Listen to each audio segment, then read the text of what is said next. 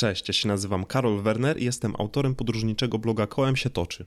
A to jest kolejny postcast.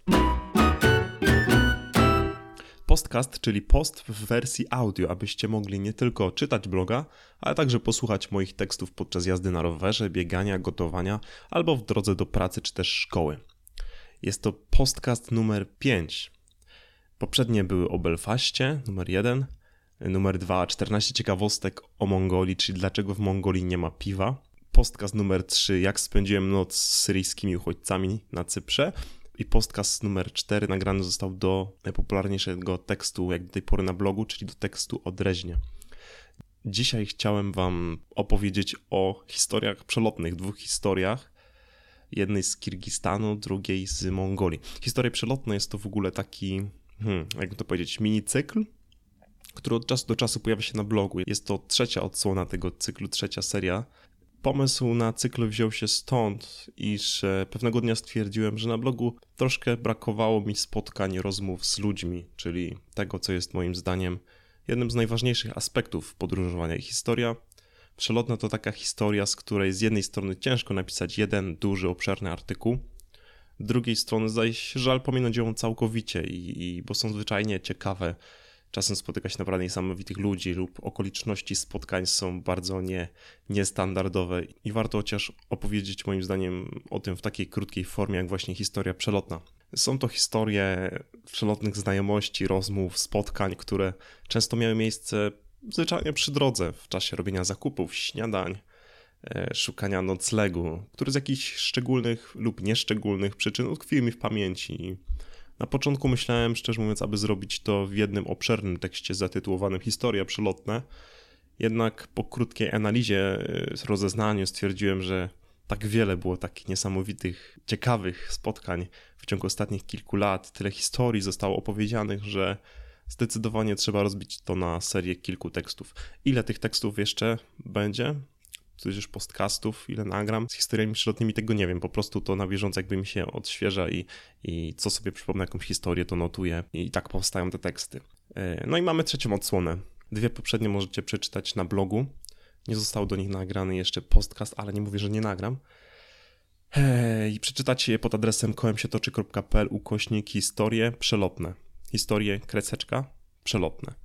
E, ostatnio pisałem o Wadimie i Tigranie, który ubił Azera, a także o kaznodziejach z Omanu i piechurze Rasulu z Kirgistanu. Dziś chciałem Wam opisać kolejne dwa spotkania z Azji. E, jednak e, tym razem mniej skupiać się na historiach spotkanych ludzi, mniej na naszych rozmowach, a więcej na dziwnych, niesamowitych okolicznościach tychże spotkań. Niesamowitych ze względu na magię miejsca w przypadku Mongolii, a także ze względu na przypadek, e, który całą sytuację sprowokował w przypadku Kirgistanu. I, i pozwólcie, że zacznę od właśnie Kirgistanu i od świetnych ludzi, których no nie poznalibyśmy, gdyby nie licznik rowerowy.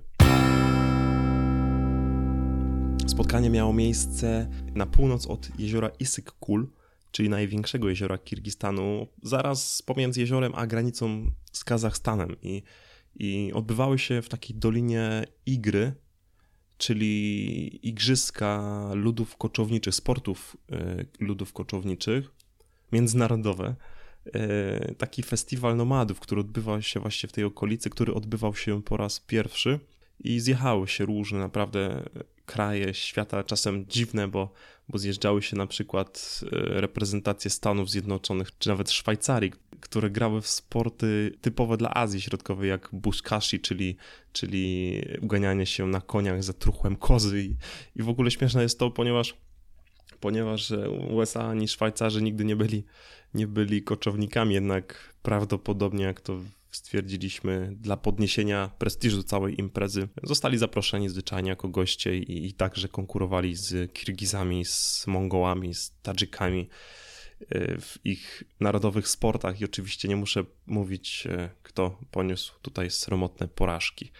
Kiedy już wracaliśmy z festiwalu w stronę Biszkeku, jadąc główną drogą, postanowiliśmy trochę postopować, złapać jakiś transport, ponieważ jechaliśmy już tą drogą trzykrotnie, już trochę mieliśmy jej dość, ponieważ jest strasznie nudna, ruchliwa i, i chcieliśmy przyspieszyć nieco nasz transport do Biszkeku.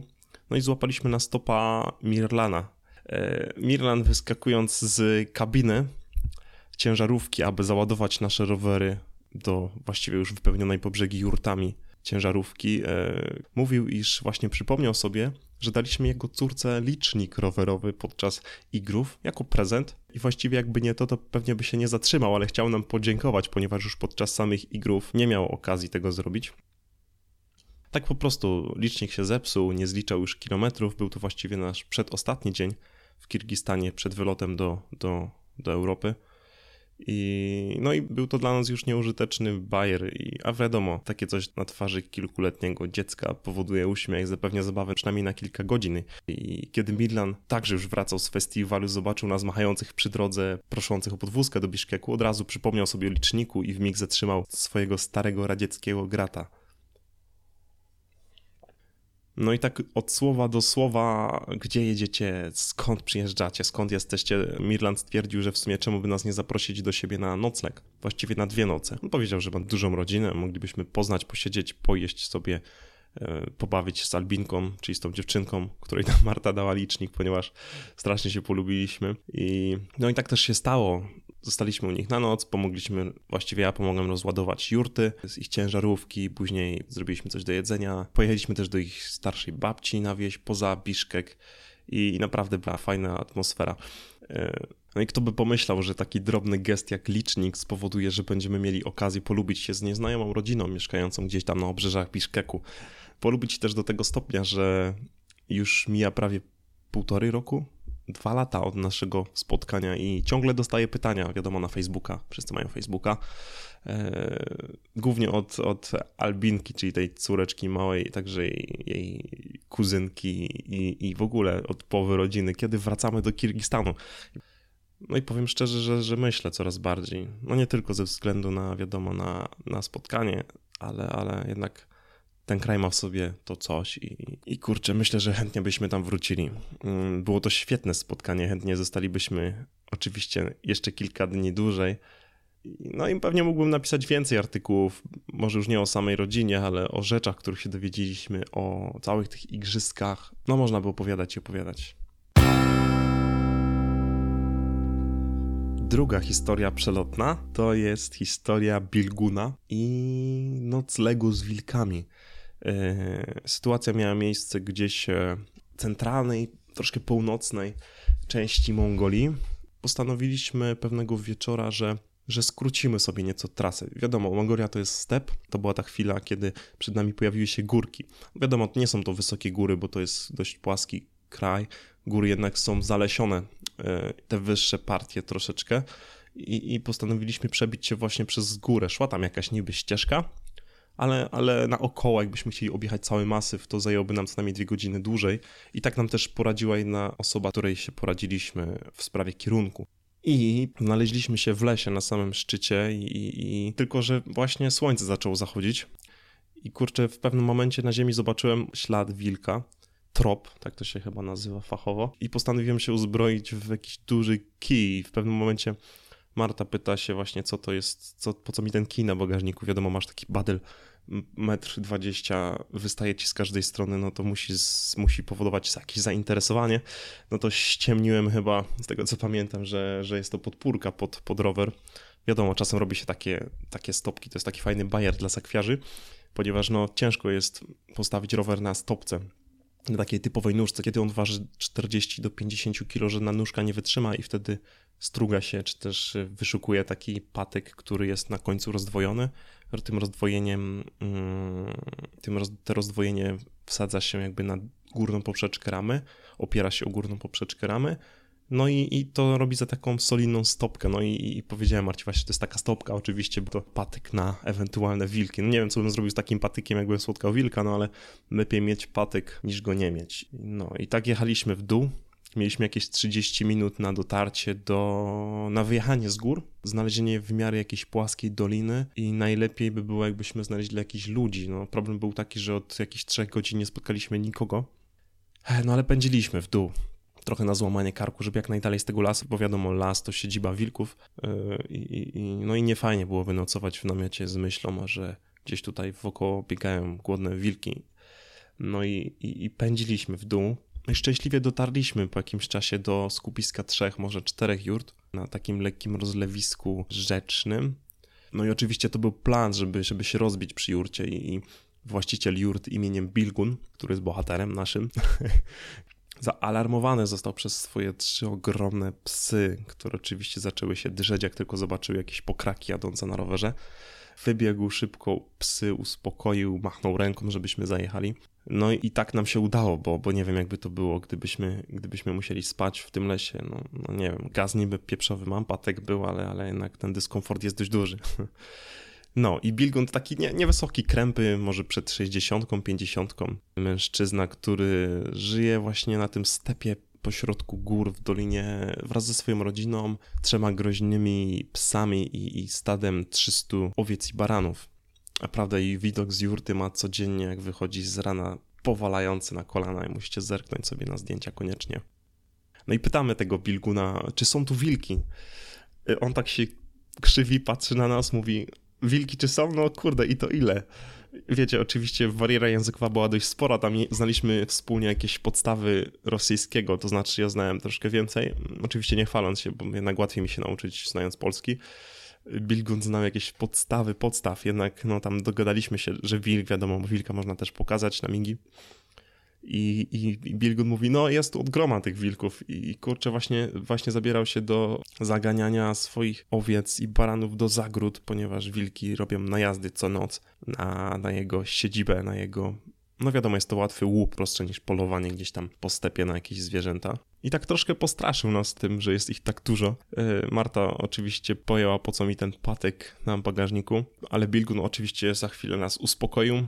Powiedział, że możemy się rozbić obok jurty, psy was będą pilnować i, i faktycznie tak było. Psy leżały całą noc przy nas. Mm, do tego Bilgun miał alarm, alarm na ruch. Niesamowite przy tej jurcie, gdzie jest e, bateria słoneczna, podpięty do niej czujnik, który ma ostrzegać przed wilkami w nocy, który właściwie nie ma ostrzegać, ale ma alarmować psy, które właściwie co 20 minut spod naszego namiotu, usłyszawszy ten strasznie głośny alarm, wypalały, wybiegały w stronę stada i, i przeganiały wilki. Czasem było słychać jakieś piski, szczekanie, jakieś warknięcia. I, i, i, i psy wracały z powrotem pod nasz namiot. I było to dziwne strasznie. Całej nocy nie przespaliśmy, przynajmniej ja, e, mimo zatyczek głęboko wepchniętych w uszy, ponieważ no nie dało się. Ten alarm był tak głośny, tak drażniący. Do tego e, każdy ruch powodował, że nie tylko włączał się alarm, ale także oświecało się strasznie ostre światło, które miało oświetlać to stado. No i tak sobie radzą na tym stepie. E, rano oczywiście krótka rozmowa. Został nam polane troszkę kumysu. Ponownie Bilgun wraz z synem, z żoną zabrali się za wyprowadzanie bydła. No i tak dzień po dniu, dzień po dniu wyprowadza się, zaprowadza, zagania, przegania, znowu się pilnuje i, i liczy się na to, żeby wilki jak najmniej porwały tych, tych owiec. I Bilkun każdego rana robi obchód, sprawdza, czy, czy jakaś owca nie została pożarta, sprawdza, czy nie ma gdzieś na stepie śladów krwi, czy gdzieś tam nie leżą jakieś zwłoki, jakiś trup. Podejścia wilków są codziennie. Mówi, codziennie mają akcję, że codziennie te psy wybiegają, przeganiają te wilki, nawet z czasem straci psa, mimo że są ogromne. Nie są tu nawet wilczury, są jakieś takie jak kaukazy, naprawdę wielkie jak nasz namiot psiaki. I czasem bywa, że nawet straci tego psa, jednak co ma zrobić? Jakoś zapobiega, no wystrzelać wilków nie może, bo nie ma czym. No i tak sobie żyją na tym stepie. No, my pojechaliśmy oczywiście dalej, pożegnaliśmy się, troszkę wzięliśmy wody, oczywiście nie za dużo, ponieważ wodę oni także muszą przywozić z daleka.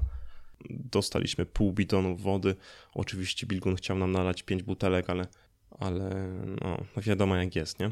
Też bym przyjezdnemu chciał nalać pięć butelek, nawet jakbym miał sześć w sumie. No tak to działa. Także zabraliśmy pół bidonu i, i pojechaliśmy w stronę świątyni Amarbais Galant, czyli świątyni buddyjskiej najpiękniejszej, jaką widzieliśmy w całej Mongolii. Ogólnie klimat tego miejsca pustka, nikogo wokoło, dojazd, oczekiwanie na tą świątynię szeroką doliną, pełną ojec, jurt. To było coś niesamowitego. Jeśli chcecie zerknąć na zdjęcia, nawet na panoramy interaktywne, to wejdźcie sobie na bloga, poszukajcie tekstu Opustoszały buddyjski klasztor i poszukiwania wajchy od promu. 60 zdjęć.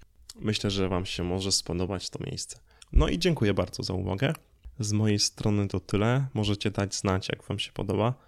Możecie podesłać znajomym, możecie posłuchać sobie innych podcastów na stronie kołemsietoczy.pl ukośnik podcast. To już jest piąty podcast, za niedługo będzie szósty, siódmy, ósmy, dziewiąty, dziesiąty, o ile oczywiście będzie ktoś tego słuchał. Mam nadzieję, że tak. No to dzięki wielkie za uwagę i do następnego. Cześć.